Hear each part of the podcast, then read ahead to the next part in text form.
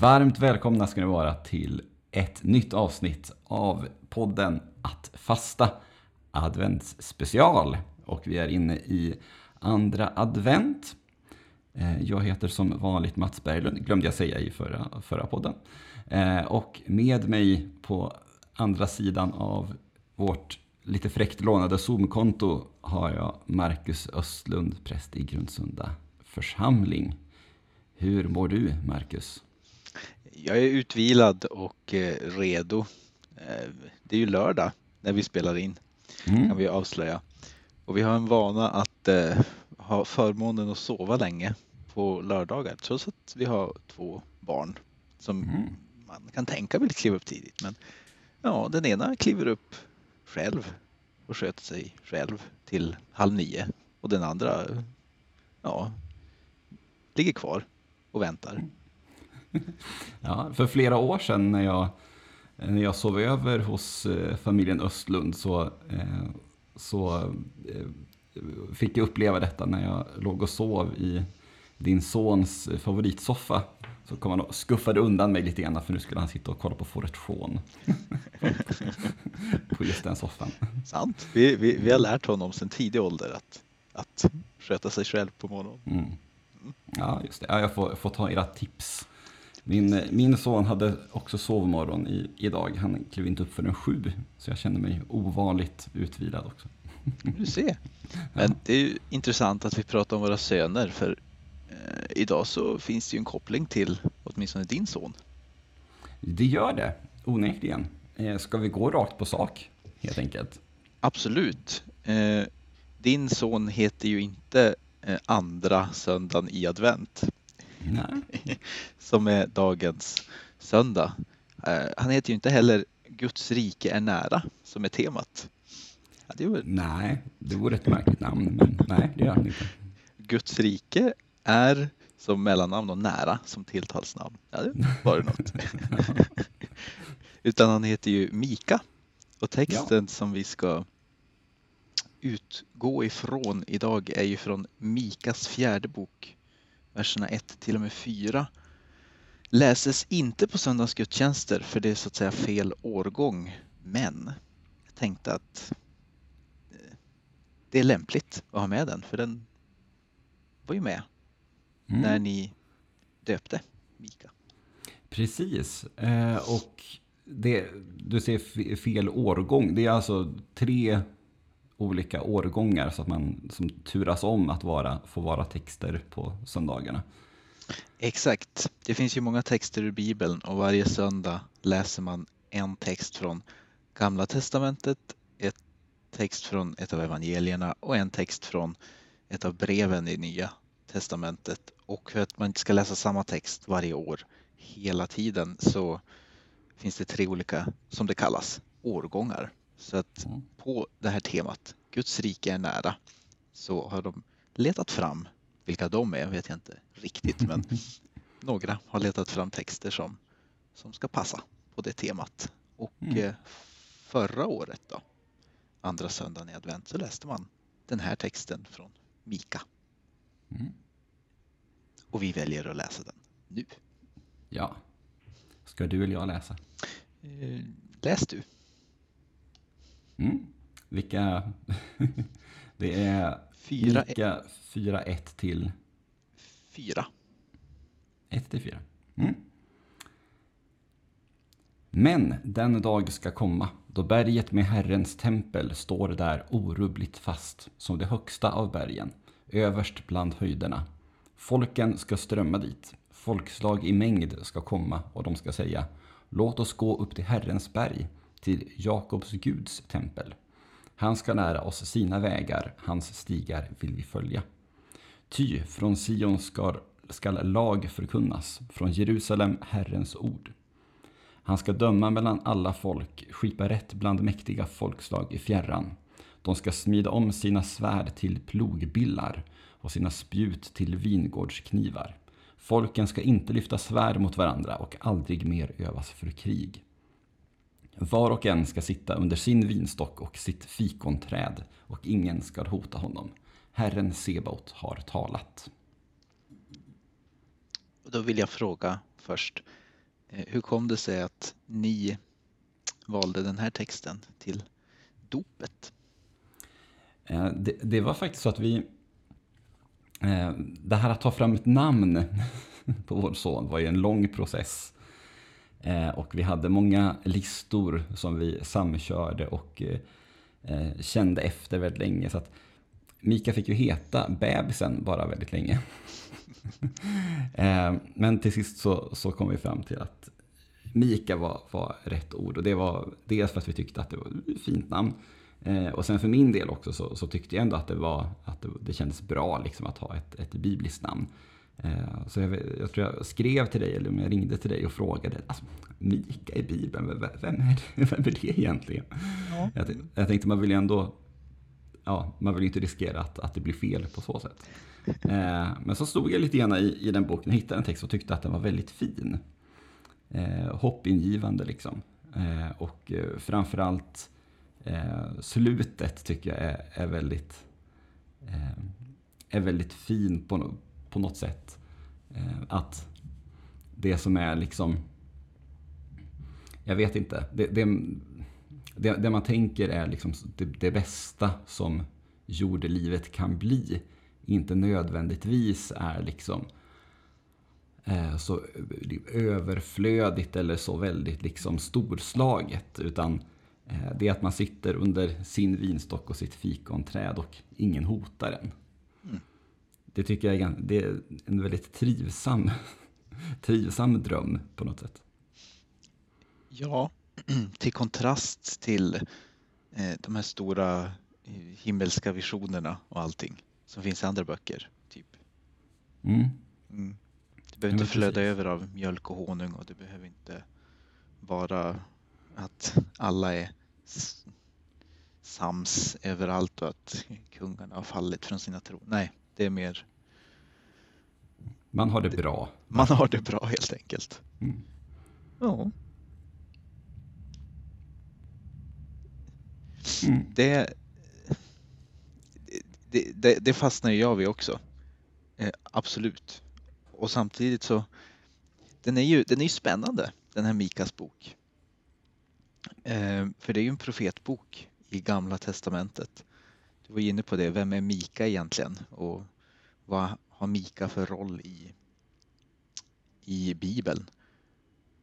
Och är man en profetbok i Gamla Testamentet så eh, finns man automatiskt också till för att så att säga leverera en mängd domsord mot eh, folk som angriper Israel eller Juda.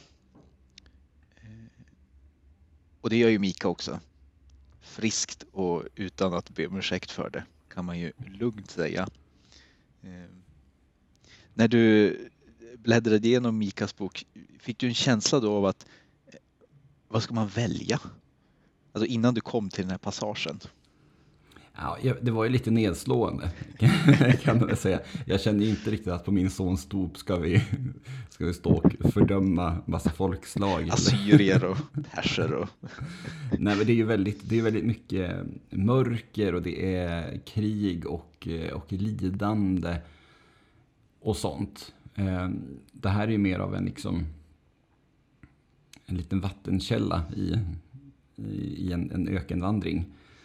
Eh, skulle man kunna säga. Eh, och det är, väl, det är väl kanske också det som gör att den blir eh, så väldigt, väldigt viktig i mm. sammanhanget. Ja men precis. Eh, bara ett exempel från kapitlet innan, kapitel 3, står det så här. Eh, och jag sade, lyssna, ledare för Jakobs styresmän för Israels folk. Ni borde ju veta vad som är rätt, men ni hatar det goda och älskar det onda. Ni flår huden av människor och sliter köttet av deras ben. De äter mitt folks kött, drar huden av dem och krossar benen. De lägger dem som kött i grytan, som slaktmat i kitteln. Det hade ju varit något att läsa på dopet också. Mm. ja, Nej, men och det är ju precis som du säger. Det, det, det är verkligen som en liten oas mitt i allting.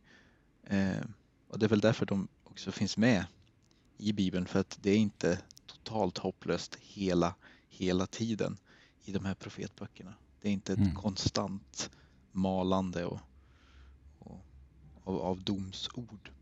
Mm. Eh, Nej, och det är ju också ganska fint tycker jag. Att, för att det, det handlar ju mycket liksom om...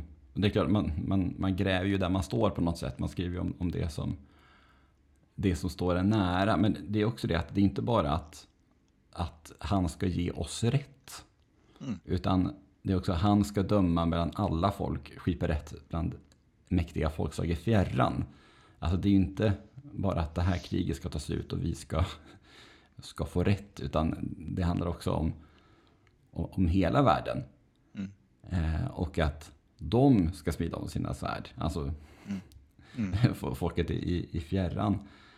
Eh, folk ska inte lyfta här mot varandra, aldrig mer övas för krig. Eh, man får ju lite eh, den här I natt jag drömde något som jag aldrig drömt förut. Eh, den, den låten, eh, lite grann.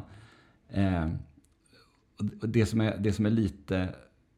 Ja, men det är ju väldigt, väldigt stora saker samtidigt som i nästa mening också zooma ner på liksom den individuella personen.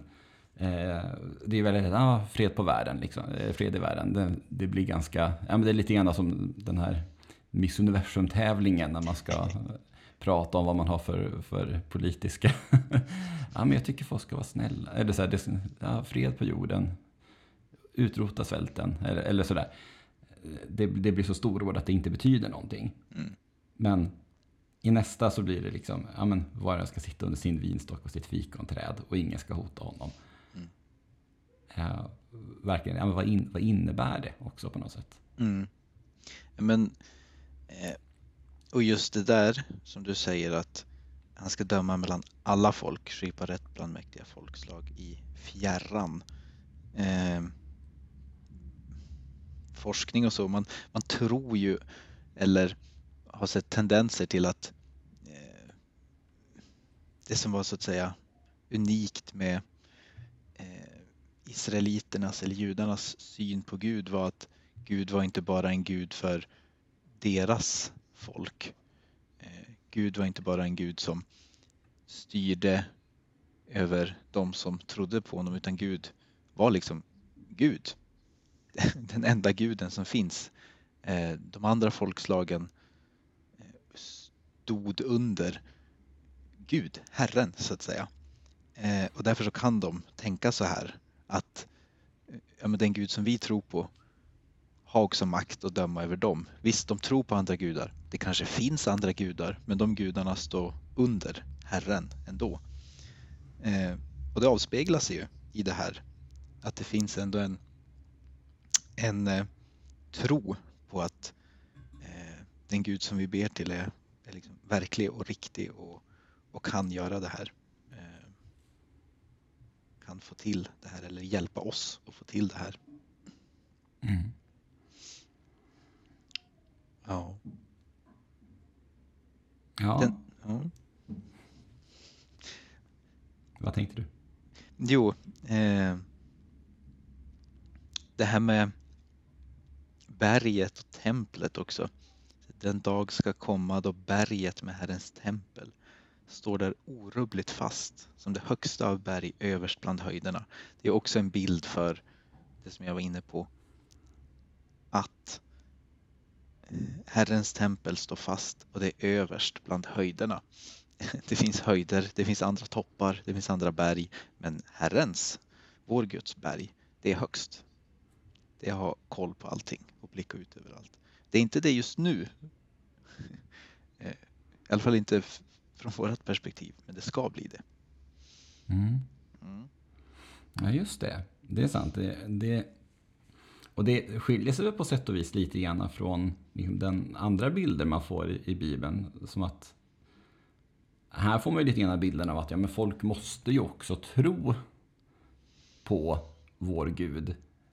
Eh, för att han ska bli den Mm. På något sätt. Att han är inte det nu.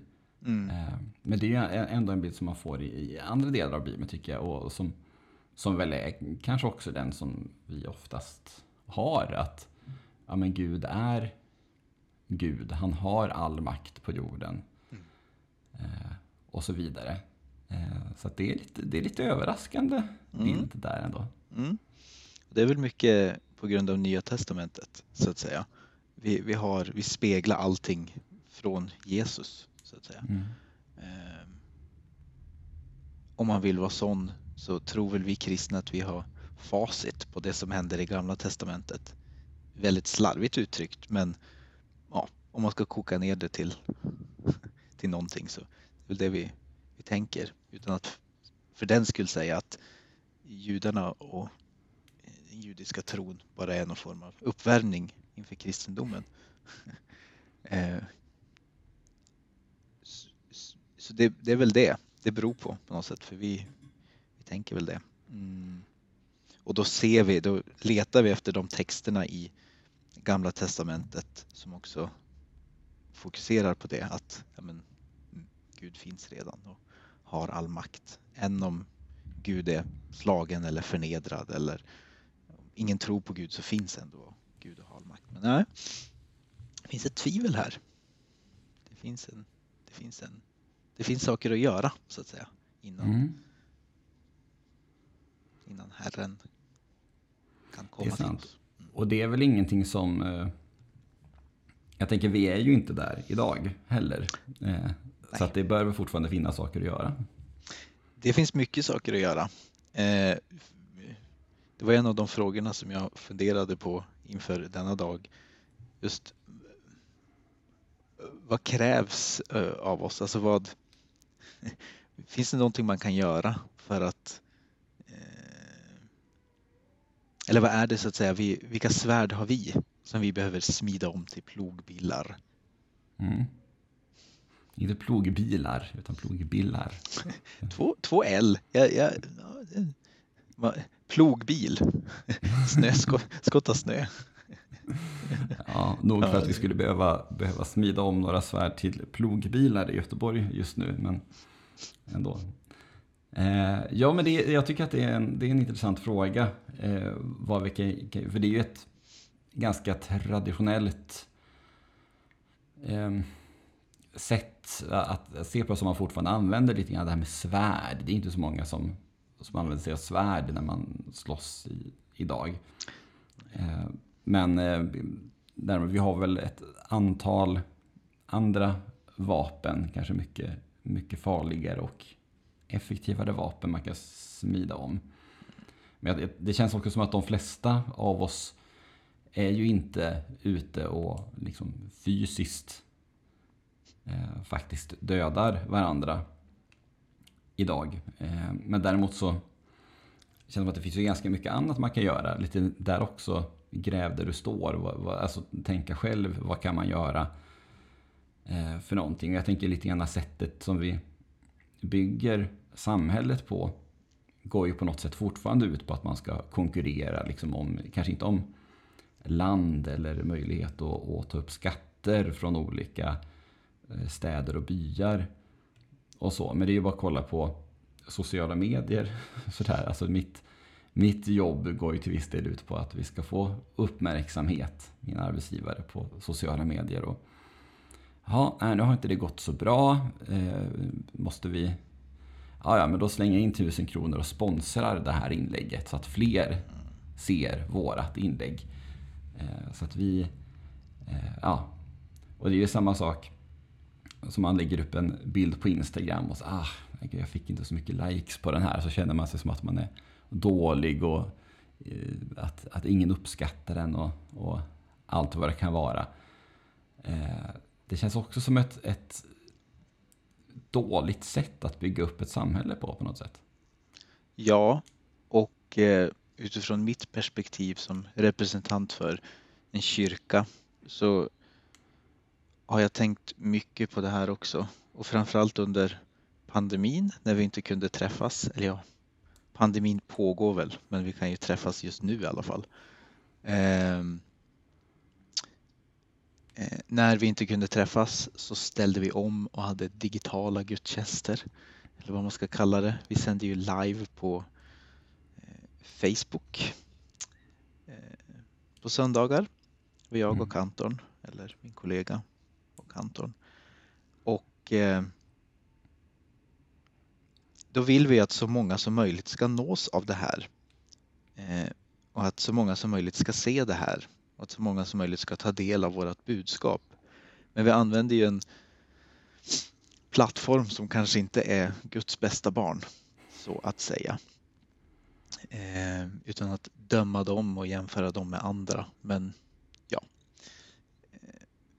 och som du säger, varenda gång skulle jag lägga upp en av våra gudstjänster eller någonting annat. Marknadsför ditt inlägg. Jaha. Och då, då ska jag konkurrera med eh, blöjreklam eller eh, eller sossarnas eller Centerpartiets ja,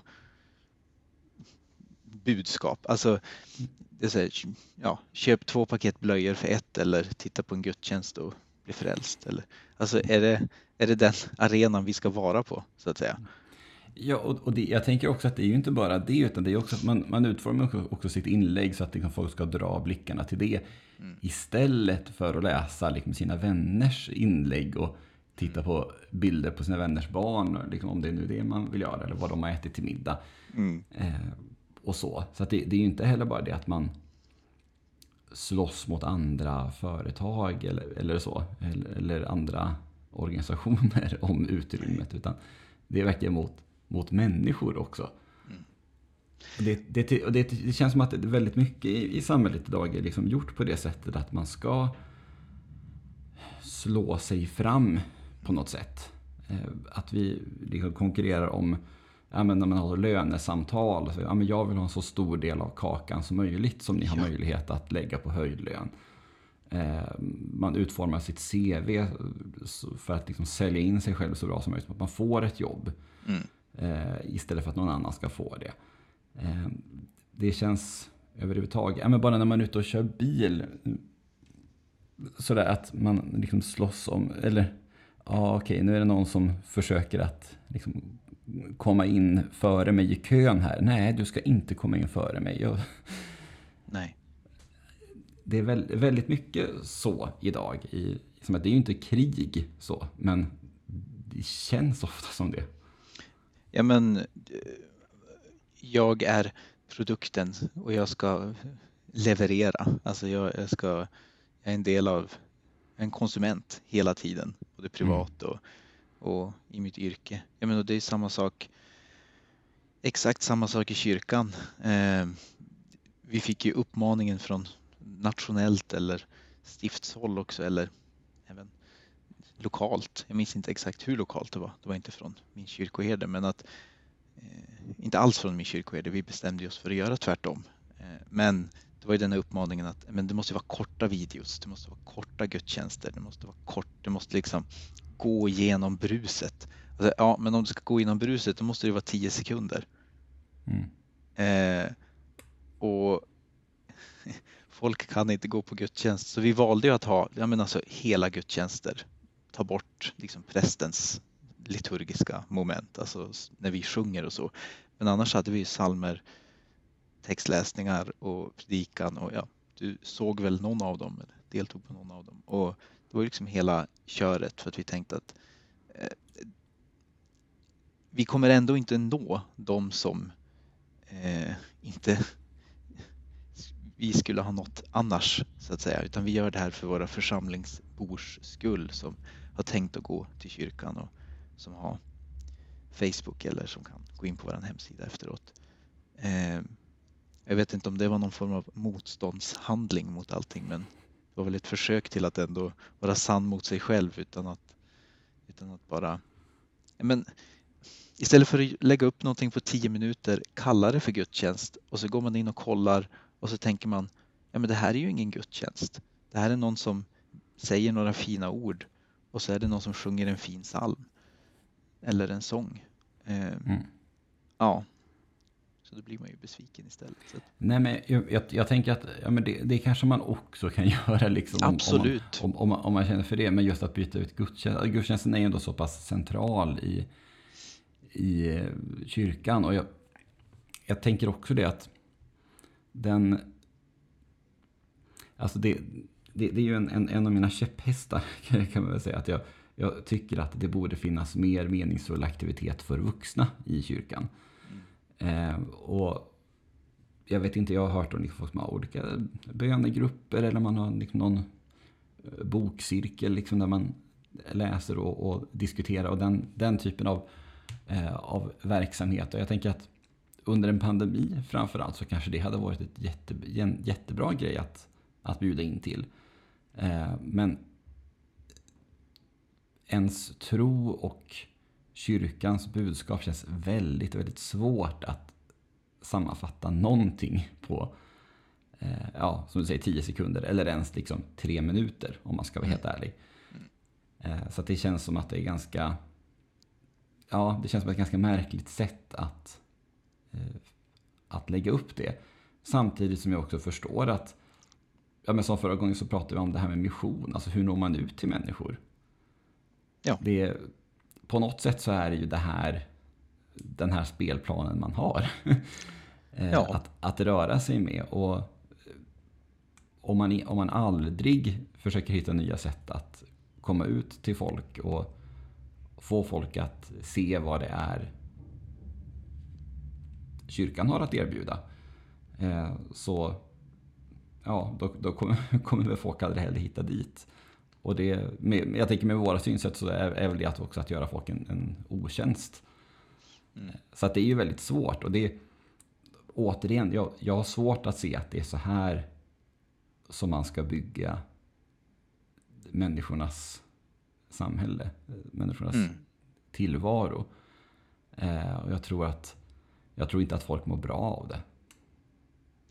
Nej, och det är ju det som är problemet. Jag tänker att det här har varit ett problem ännu längre, även innan sociala medier så att säga. Utifrån mitt perspektiv då, som representant för kyrka igen. För jag minns också tio år sedan eller något, eh, när kyrkan inte så att säga hade närvaro på, på sociala medier på samma sätt.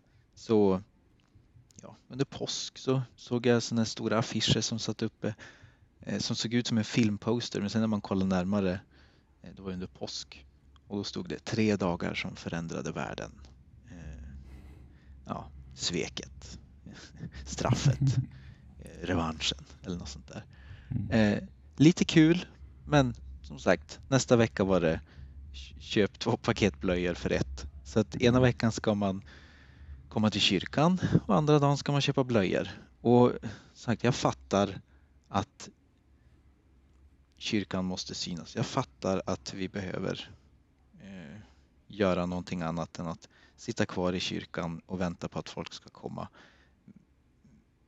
Jag har inget klockrent alternativ men jag lyfter i alla fall frågan och konstaterar att jag inte alltid är bekväm med att representera en kyrka som, som eh, spelar på samma planhalva och, och låter sitt budskap devalveras till reklamnivå. Mm. Du är så nöjd att du fick in devalveras. Nej, men jag, jag, förstår, jag förstår fullt ut. Det är, ibland, ibland så är det ju också på något sätt Ja, men så det handlar inte bara om sociala medier. Alltså, nej, nej, nej. Man, nej, man är, ju, man är ju en, en, gubbe på vissa sätt men det, det, är verkligen inte det som är så säga, grundproblemet egentligen utan det som hela, hela synsättet på människan. Och, mm, mm. Hur kan jo, vi vara ett alternativ till det? Ja, det, det kanske är en typ av eh, eh, civil olydnad nästan. Att bara, nej, jag tänker inte vara med i det här. Mm. Ungefär som folk kände sig som rebeller när de raderade sitt Facebook-konto. Ja, precis. Mm. Nej, och jag, jag, tror ju som sagt, som sagt var också att det lite, alltså, jag tycker alltid att det är bra att, att idka lite självkritik i att, ja men, så, så sitter man och jag menar det är inte direkt så att det har liksom kommit jättemycket folk på gudstjänsterna plötsligt bara för att Svenska kyrkan har eh, har blivit aktiv på, på Facebook. Eh, och jag tror inte att folk hade slutat gå bara för att man inte lägger ut lite tänkvärda ord och en, en, fin komponerad bild lite nu och då. Eh, på, på sociala medier. Eh, utan snarare så kanske man, man får börja, börja tänka, ja men okej, på vilket sätt kan vi liksom förändra vår verksamhet för att folk ska tycka att den är meningsfull? Eh, och det, jag menar inte heller att man ska göra om gudstjänsten eh, jättemycket. Jag tror att den har en jätteviktig del att, spela fortfarande. Eh, men som sagt, för oss som inte tycker att gudstjänster varenda söndag är liksom det sättet som vi får ut någonting av vår tro på bästa sätt. Eh, kanske man skulle ha någon annan verksamhet. Och jag, jag hittar inte riktigt svaret på det, men jag kan ibland bli lite, eh, ja, men lite less när man hör varför kommer det inga människor på, eh, på gudstjänsterna. Ja, jag vet inte. Det, och det är väl också ett problem i sig kanske att, att vi lever ganska segregerat i samhället. Alltså att man är, man är van på något sätt att själv kunna välja exakt eh, allt som man, som man ska göra, hur man utformar allting. Eh, det, det, är ju inte... Alltså bland folks största irritationsmoment idag är ju typ att man inte hittar någonting eh, på sina streamingtjänster som man vill titta på. Alltså att man på riktigt lägger längre tid på att fundera på vad ska jag kolla på än att faktiskt kolla på någonting mm. när det är det man vill göra. Eh, det är kanske också ett ett problem i, i, med hur vi har byggt upp vårt samhälle. Eh, på något sätt att, att man, man har det problemet. Eh, men jag, jag, tänker att samma sak där, att man kanske lite grann får spela efter den spelplanen som finns och försöka göra det bästa av den. Mm. En eh, utvikning som gör att jag snart kommer tillbaka till exakt det du pratade om och det vi mm. har berört. Jag har många begravningar och vid majoriteten av de här begravningarna så är det en äldre kvinna eller äldre man eh, som kanske är 80-90 år som har levt ett liv och de flesta har levt ett liv som låter ungefär så här. Man föds eh, i Husum, där ju jag verkar och bor. Man eh, växer upp, har det knapert, många syskon, men har det trevligt. Man utbildar sig hittar ett jobb, återvänder till Husum. Man jobbar på det här jobbet i 45 år och sedan så går man i pension och så pysslar man med sina blommor och så eh, tar man hand om barnbarnen och så dör man. Eh, och så har man varit med i någon förening i 40 år, var det sekreterare där och så vidare och så vidare. Eh, senast igår hade jag en sån begravning så att säga. Och vi lever ju inte det livet längre. Eh, redan när vi föds, när vi föddes och speciellt nu när våra barn föds så är ju världen mycket större än byn man föds i och det är inte ett äventyr att åka till eh, Umeå eller, eller liknande. Det, det är normalt. Äventyret är att åka till London eller New York eller något annat ställe. Eh, så världen ser annorlunda ut. Men just den där grejen att man man eh, var lojal med ett sammanhang eller man, man fanns i ett visst sammanhang och, och gjorde det man skulle. Eh, man trivdes med att ha ett liv där man visste vad som hände eh, och så vidare. Det finns ju inte idag.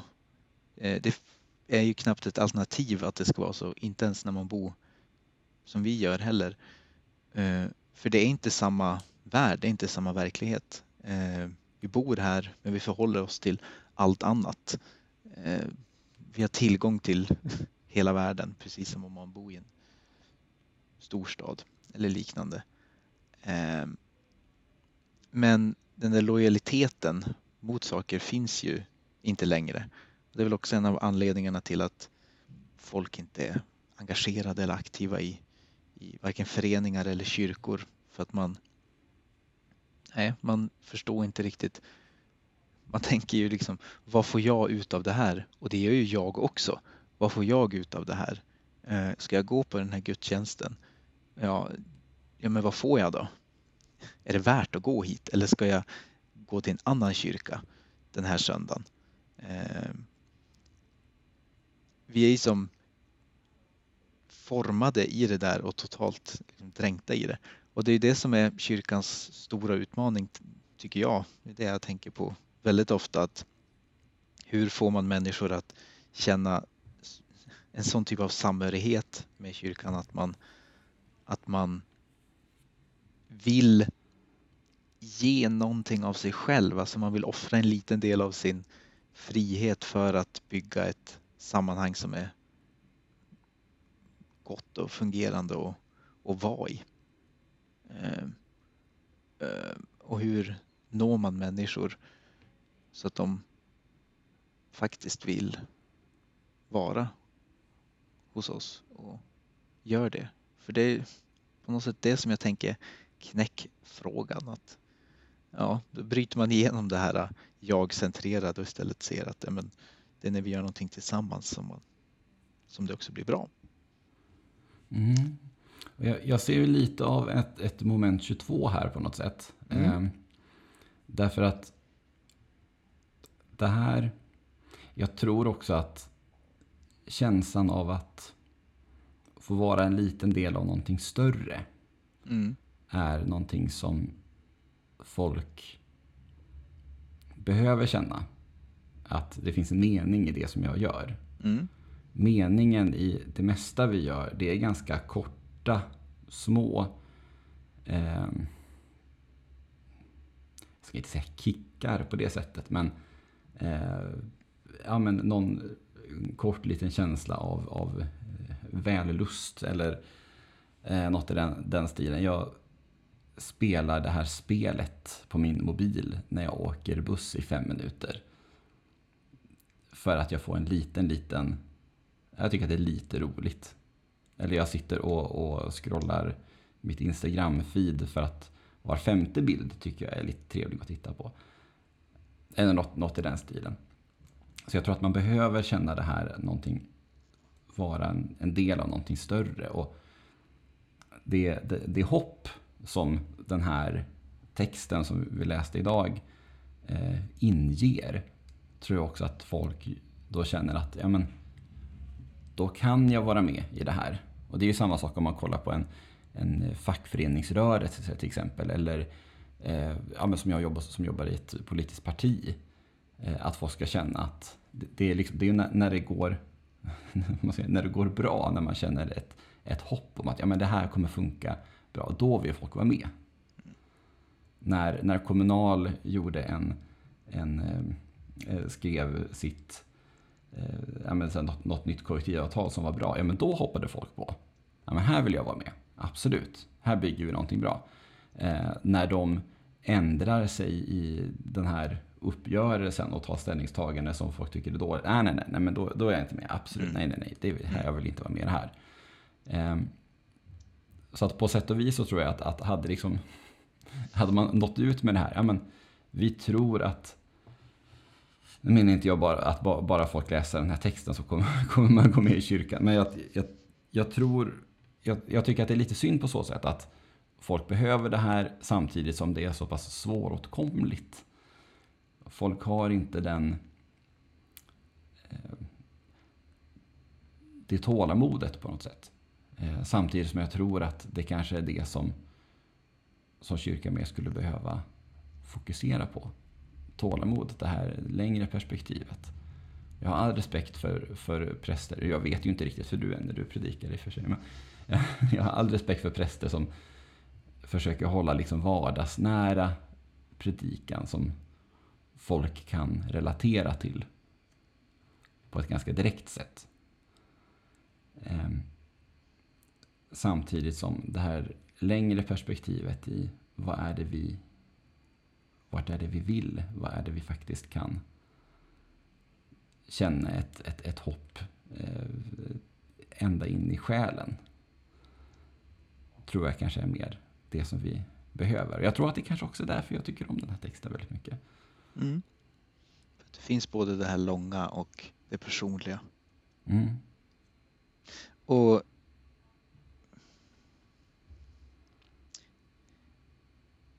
en positiv sak som kyrkan gör och har gjort under lång tid och fortfarande gör är ju konfirmandarbete.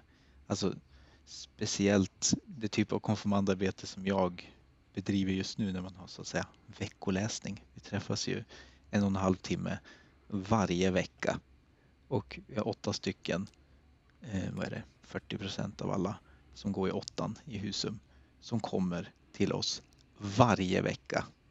Och vi pratar och nu sist så hade vi inte avslutning för hösten men någon form av sammanfattning. Vi gick igenom vad vi gjort egentligen, vad vi pratade om. De sa gudstjänst, Bibeln, Gud.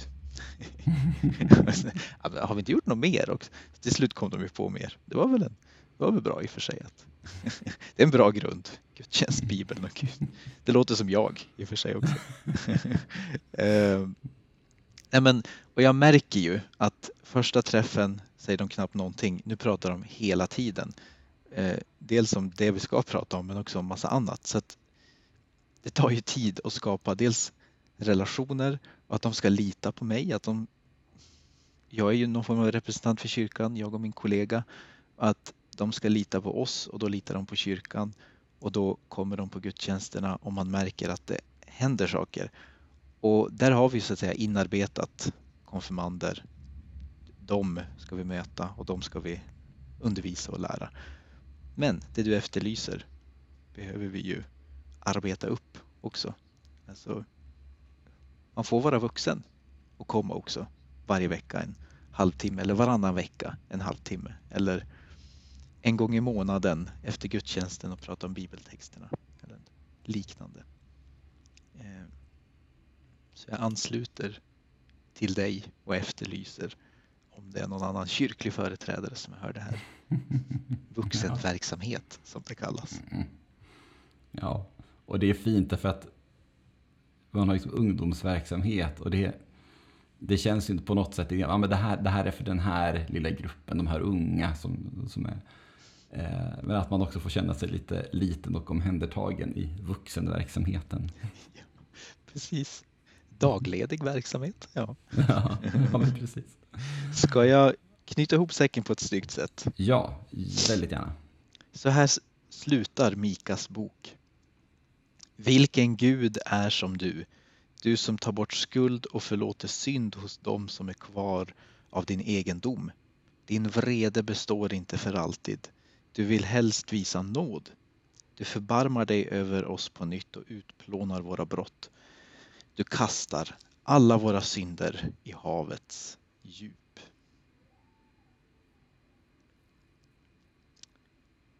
Och så är det en vers till, men det är så bra att avsluta med att du kastar alla våra synder i havets djup. Mm. Och en snygg brygga till så att säga Nya Testamentet och Jesus. Mm.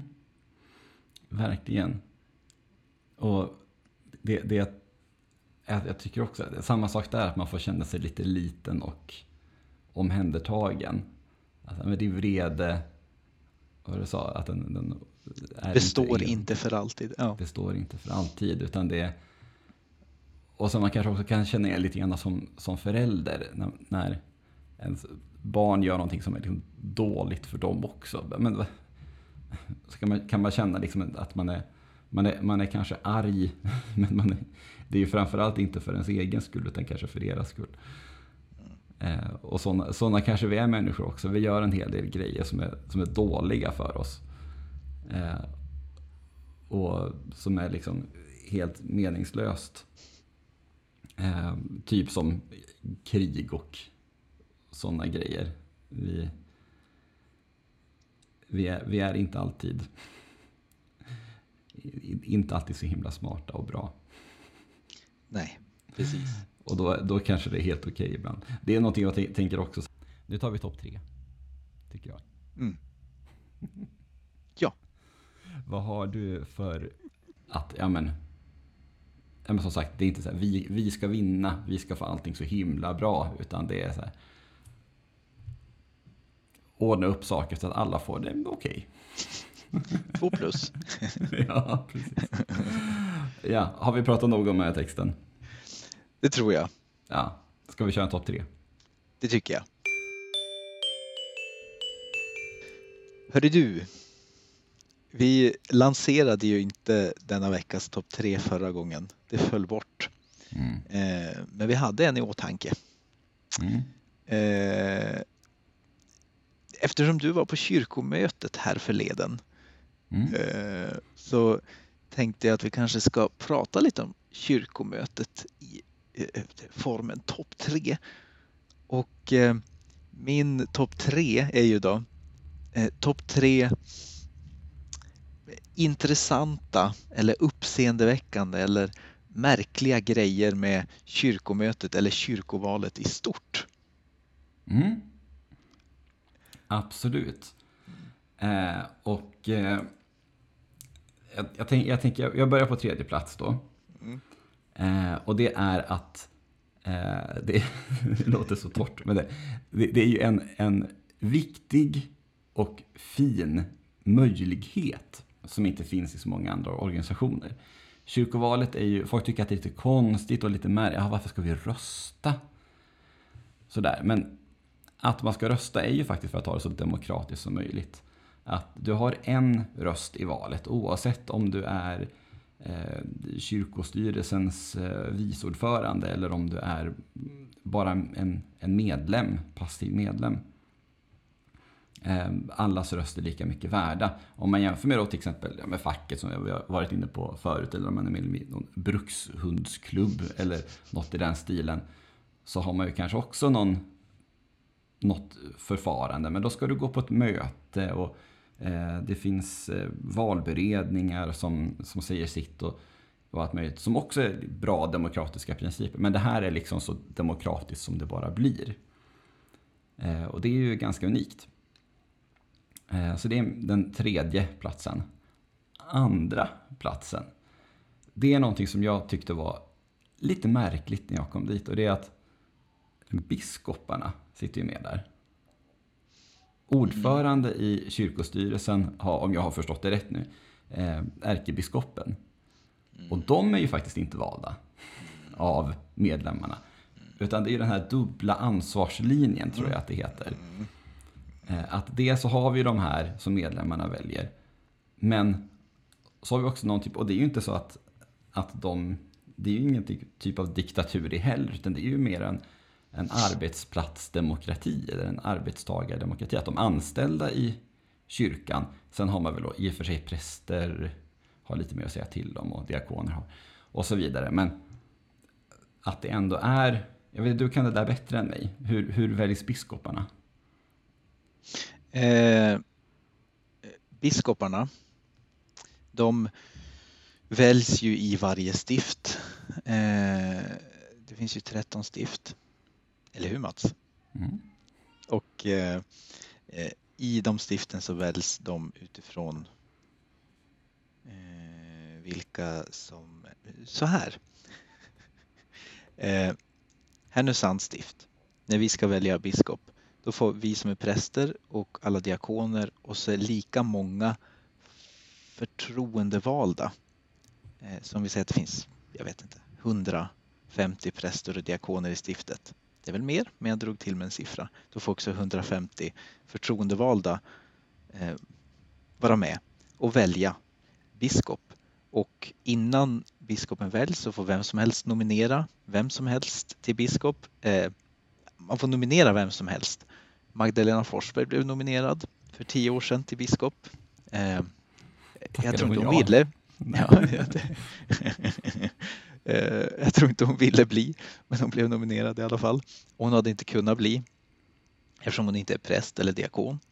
Men eh, den som nominerade tyckte att det kan väl snabbviga henne. Hon är en bra reklampelare. Reklam, återigen. Eh, men då var det till slut fem kvar. I alla fall den gången jag var med på. Jag, var, jag röstade inte men jag var med och kollade hur det gick till. Eh, så var det fem som var nominerade och så var det första rundan och då var det två kvar och så fick man rösta på dem igen. Så att säga. Så att det är ju vi präster som väljer vem som ska vara herde åt oss samtidigt som de förtroendevalda, alltså församlingsmedlemmarna eh, i de olika församlingarna som är utsedda att representera alla får, får vara med också. Och sen bland biskoparna så väljs ju en biskop en herde bland herdarna som de uttrycker det. Mhm. Ärkebiskopen är inte chef över biskoparna säger de utan hon är våran, våran herde, den som för våran talan. Eh, och i, på lokal nivå i församlingar så är ju kyrkoherden med i kyrkoråden och kyrkofullmäktige. Eh, inte ordförande tror jag, men är med liksom, och, och fattar beslut som ju inte är förtroendevald, men för att eh, vi vigda ska vara med i processen. Stiften så är ju inte biskopen förtroendevald, men biskopen är ordförande i stiftsstyrelsen för att det ska finnas representation för läran så att säga, så att läran hålls i schack. Och samma sak i kyrkomötet då, kyrkostyrelsen. Mm. Så det är den ordningen man tänker att ja, men det är folket som ska bestämma. Det är inte prästerna, det är inte vi, det är inte en präst eller biskopskyrka det här, utan det är ja, var och en har en röst och sen så representeras den rösten av vissa människor. Men det ska ändå finnas eh, närvaro av, av kragar. Mm.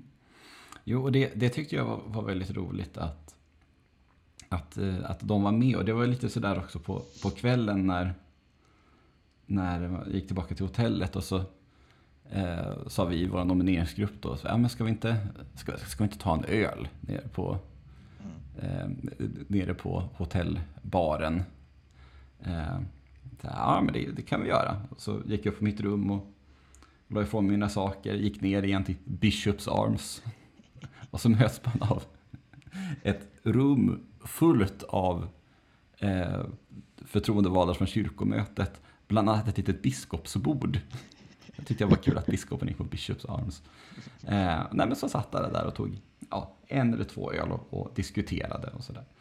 Eh, och då kom jag in på den på första platsen eh, på den här topp tre och det är den roliga sammansättningen av människor i kyrkomötet. Eh, och det är även för den delen på lokal nivå. Alltså att man har då partier, Socialdemokraterna, Centerpartiet och Sverigedemokraterna ställer upp som partier. Eh, och det är både för och nackdelar. Många är mycket kritiska medan vissa menar att det är bra. Det som är bra är att folk vet ungefär vad det är de röstar på. Man vet ungefär värderingarna sen förut. Eh, och någonting som jag inte har tänkt på tidigare men som jag fick höra som argument är att de har aldrig några problem att tillsätta sina platser. Alltså det finns alltid folk i rörelsen som man kan hitta då för att faktiskt eh, tillsätta de platserna som, som folk ger dem i valet.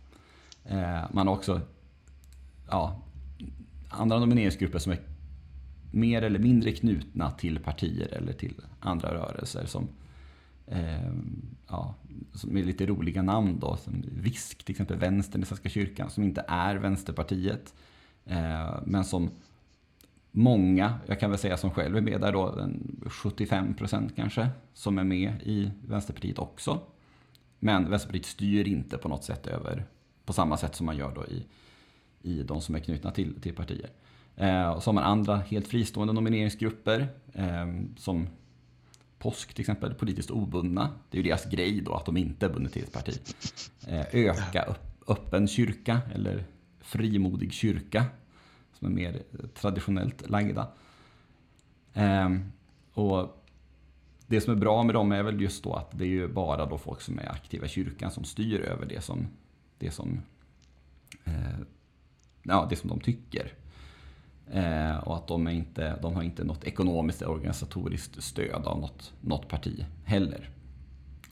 Eh, men så finns det också då biskopar eh, som, som är med och som du sa, de har ju ingen, de har ingen, ingen rösträtt på så sätt. Men däremot så har de, eh, de kan alltid, alltid gå upp och, och liksom säga utifrån sin kunskap och sitt förtroende av, som man har fått av de anställda i kyrkan eh, ja, säga vad de tycker och, och hur de tror att eh, prästerskapet eh, tycker och tolkar saker. Och det, det som är lite roligt här också är att det finns ingen 4% spärr som det gör då i, i Eh, så att i, till kyrkomötet så har det också kommit en, eh, alltså ganska små grupper. Man kan liksom få under en procent i princip och fortfarande få ett, eh, ett mandat. Så att vissa finns bara, de ställer bara upp i ett stift.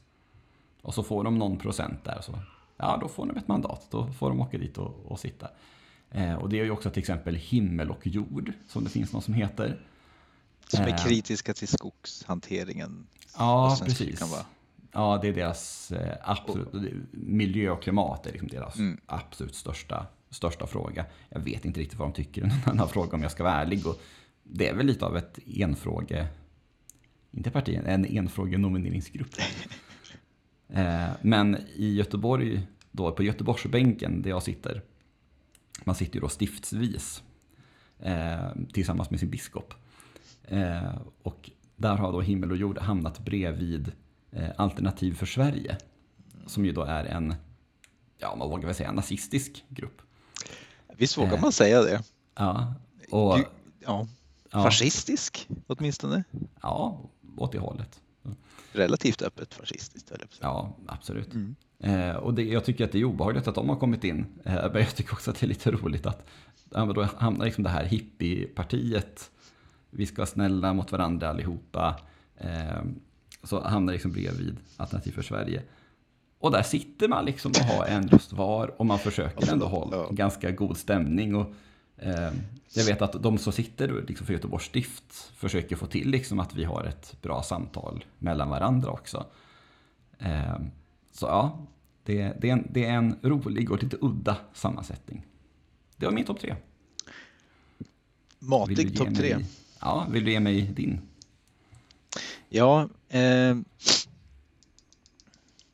eh, då kan jag väl säga så här. På tredje plats, det faktum att man kan ställa upp till kyrkomötet utan att ställa upp till varken stift eller församling. Man kan eh, vara en nomineringsgrupp som bara kandiderar till kyrkomötet men inte ja, till stift eller, eller församling. Vilket väl funkar i eh, politiken så att säga, rikspolitiken på ett annat sätt. Eh, SD har ju inte, fyller ju inte sina platser i alla kommuner till exempel, eh, men kan ändå vara stora på riksplanet, funkar för dem uppenbarligen. Eh, men när det gäller kyrkan så blir det ju faktiskt ett problem på riktigt för vi behöver inte ta alternativ för Sverige som exempel, men det finns ju många nomineringsgrupper som, som eh, kanske är ganska stora på riksplanet men som eh, inte direkt finns lokalt. Om man inte har en lokal förankring, om man inte finns i de lokala församlingarna eh, så, så ja, vilka ska man vilka ska sitta egentligen på det här? Eller så är det att de som sitter för de nomineringsgrupper som bara är representerade eller nästan bara representerade i kyrkomötet, de är bara intresserade av att sitta med i kyrkomötet. Eh, det gör ju indirekt ändå att demokratin i alla fall riskerar att urholkas lite, att det blir väldigt toppstyrt. Och eh, det som är många lyfter ett varningens finger för med det valsystem som vi har. Det är egentligen kanske inte primärt att det finns partier eller halvpartier eller att vilka typer som helst kan komma in utan det är väl mer just det att kyrkomötet får för mycket makt för att det kyrkan, kyrkan ska vara uppbyggd så att det, allting ska utgå från församlingarna och pastoraten och sen stiften ska stödja församlingarna och pastoraten och nationell nivå, kyrkomöte, kyrkokansli ska egentligen bara eh, finnas till också för att stödja stiften och i förlängningen församlingarna. Det ska inte vara 500 personer som sitter och jobbar i massa olika typer av frågor som det är just nu. Och man ska egentligen inte besluta uh, om saker som inskränker församlingarnas alltså och pastoratens frihet att utöva sina uppgifter. Uh, det har ju varit en stor diskussion om, om uh, finns ju vissa krafter som vill att man ska ha ett nationellt lönesystem till exempel. Eh, om det ska vara tvingande eller frivilligt och det landar ju att det ska vara frivilligt men typ tvingande 2030 eller något sånt där. Det är så typiskt Svenska kyrkan att man mm, bestämmer någonting och så det är typ tvingande, fast inte just nu, men snart. Eh, och jag fattar grejen. Alla ska ha samma lönesystem och det ska vara enkelt och smidigt. Men ja, jag som jobbar på golvet så att säga ser ju att det riskerar att försvinna en del kyrkoskrivare och allting som är så att säga hjärtat i vår verksamhet som har koll på allting. Och jag tycker inte att det är ett problem just nu. Det, det funkar. Det är jättesmidigt. Man går till henne och ja, eller man lämnar till sin lokala kyrkoherde lönerapportering och allting. Så att ja, det, det mm. Men det är väl ett, det är väl ett ganska klassiskt eh, ja, som klassiskt i organisationer att eh, de som sitter centralt tänker att ja, men det här ska inte de behöva hålla på med. Ja, men det blir skönt för dem att slippa det. Mm. Utan att man kanske egentligen har frågat. Mm. Och det här, alltså internt i kyrkan, det här var typ den största frågan internt i kyrkan. Eh, ska vi rösta på de som vill det här eller ska vi rösta på de som inte vill det här? Mm. Jättestor stridsfråga. Nationellt så, eller i media så var ju frågan snarare, var det andra frågor som kom upp. Men, mm. eh, ja, så att den grejen som spiller över på det som jag kom in på. Eh, nummer två var ju egentligen det jag sa nu. Mm. Att kyrkan är uppbyggd som, som liksom det civila samhällets system, vilket ju, som du sa, borgar för demokrati, alltså en röst, en person, en röst eh, och så vidare. Och att ja, men sossarna, Centerpartiet för den delen, Sverigedemokraterna, de som är så att säga uttalat politiska partier som är med, de fyller sina platser. De, det finns folk som kan sitta på positionerna. Ehm, Samtidigt, det finns ju de som har framfört att man kan tänka sig ett alternativt system eh, eh som innebär att ja, man väljer församlingsråd i församlingar och från församlingsrådet så plockar man några som ska sitta i kyrkorådet som finns i pastoratet och från alla pastorat i ett stift så plockar man några som ska sitta i, i stiftsfullmäktige och från stiftsfullmäktige, alla stiftsfullmäktige, plockar man folk som ska sitta i kyrkomötet, som ska sitta i kyrkostyrelsen. Alltså att, ja, du fattar ett sådant system som utgår ifrån församlingarna helt och hållet och utan nomineringsgrupper skulle ju också borga för demokrati och då skulle man ändå hitta folk. Eh, men det görs ju inte i en handvändning och det finns fördelar med systemet som är nu också. Som sagt, det blir tydligt vad man röstar på. Jag tycker att det blir tydligare och tydligare för varje val vad folk, eller vad både partierna och grupperna faktiskt tycker i frågor som rör kyrkan. Jag tror också att man får komma ihåg att det är en ganska ung organisation, den som finns nu. Eh, och att jag tror också att med tid så kommer man kanske hitta de positionerna och arbetssätten som, som gör att det blir tydligare. Mm. Eh, jag vet också att eh, i framförallt Centerpartiet så har haft en stor diskussion om att man ska knoppa av, som man säger, mm. mm. den gruppen. Därför att det är klart att det är ju kanske lite märkligt att Annie Lööf, oavsett vad man tycker om henne liksom som politiker och person, att hon ska sitta och, och som liksom partiordförande ha kanske mest inflytande över vad kyrkomötesgruppen ska tycka om Svenska kyrkans interna grejer. Um, och sen, ja, om jag bara får flika in också grejen med partier, att man har sagt att ja, men det är för att man ska få pengar. Det finns så mycket pengar i, i det här. Det finns inte alls särskilt mycket pengar. Nej. Jag som har fått lite insyn i liksom ekonomin bland de här nomineringsgrupperna. Eh, det är inte, alltså om man, om man tänker på hur mycket pengar det finns i rikspolitiken som man får i centralt partistöd från riksdagen så är det verkligen små summor. Mm. Jag tror att de flesta går med förlust.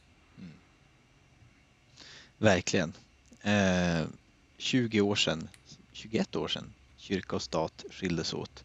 Eh, lång tid för oss, det är två tredjedelar av våra liv, men kort tid för kyrkans, för kyrkans perspektiv. Så att absolut, man får verkligen se det på det viset.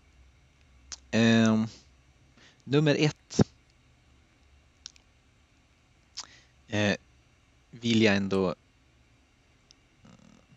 men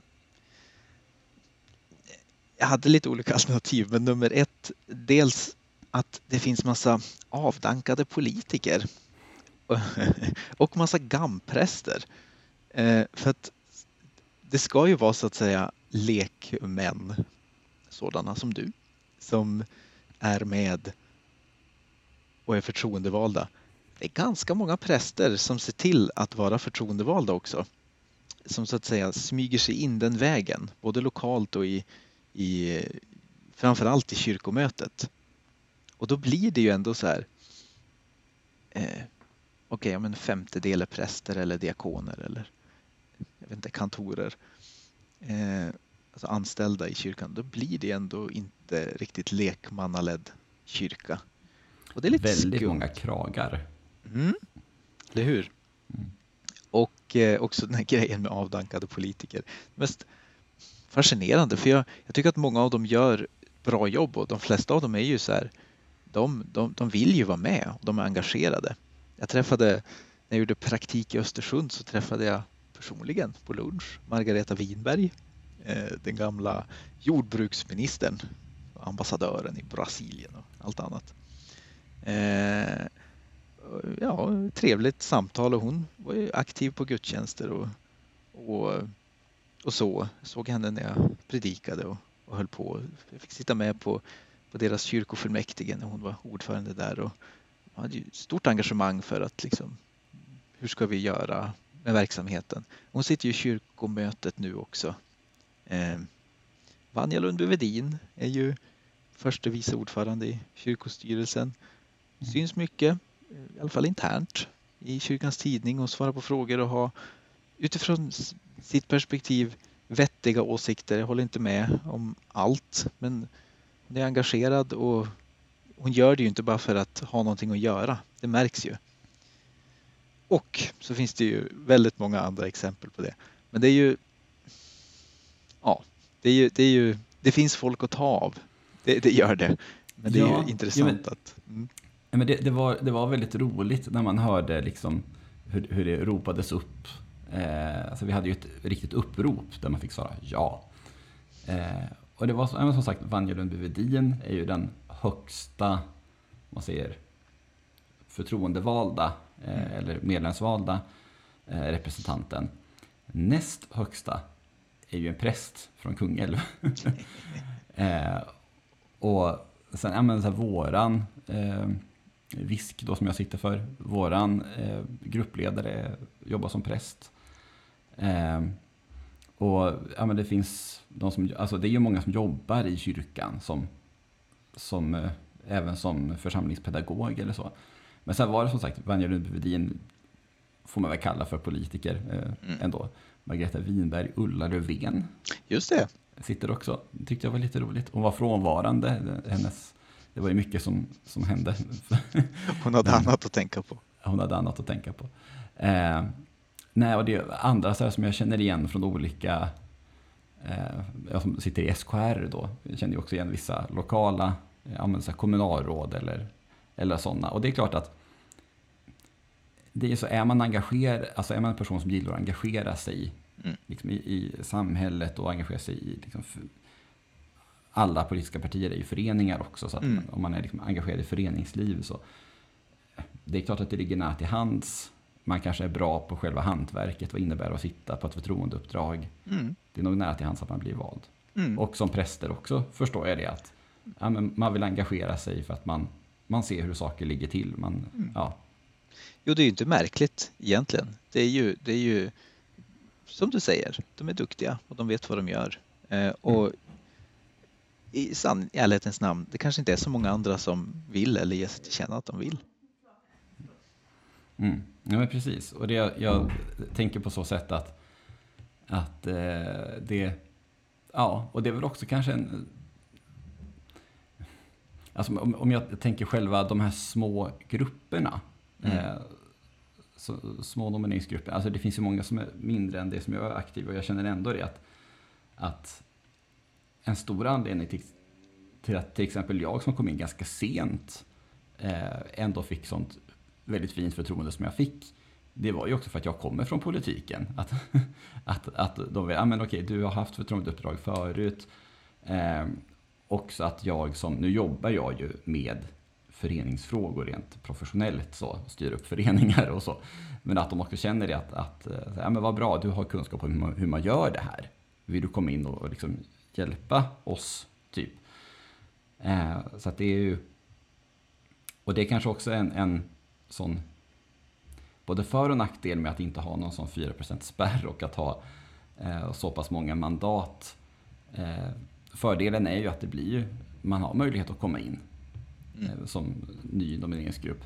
Eh, men det kanske negativa är att man får väldigt många olika föreningar och det kanske är svårt att alla de styrs på ett demokratiskt rimligt sätt. Eh, om man ska vara över hela landet och kanske bara är 40-50 medlemmar kan vara ganska svårt att få ihop det. Precis. Mm. Ja, men eh, jag känner att tiden rinner iväg. Så den här gången ska vi inte glömma bort då att lansera nästa veckas topp tre. Eh, och då utmanar jag dig, Marcus Östlund. Topp tre viktiga personliga adventstraditioner. Mm. Mm. Och eh, om det är någon som lyssnar på den här podden överhuvudtaget. Om det är någon som lyssnar på den här podden som tycker att eh, ni har en, en väldigt rolig personlig adventstradition. Eller om ni tycker att eh, ni har upptäckt en uppseendeväckande sak, en intressant sak med kyrkovalet som ni vill dela med er av. Eller någonting helt annat. Gör som, inte jättemånga, men några andra har gjort. Och mejla oss och eh, ställ en fråga eller kom med ett inspel. Vi fick ett efter förra gången, men det sparar jag på. Eh, men vart mejlar man då, Marcus? Man mejlar till eh, att att.fasta.gmail.com. Det gör man. Inte hotmail. Inte hotmail, nej. Gmail. Ehm, så, eh, då återstår det bara för oss att tacka så jättemycket för att ni har lyssnat på vår podd Eh, den här veckan också. Eh, och vi är tillbaka nästa söndag. Med nya texter eh, och nya, förhoppningsvis intressanta diskussioner. Ta hand om er så hörs vi. Hej!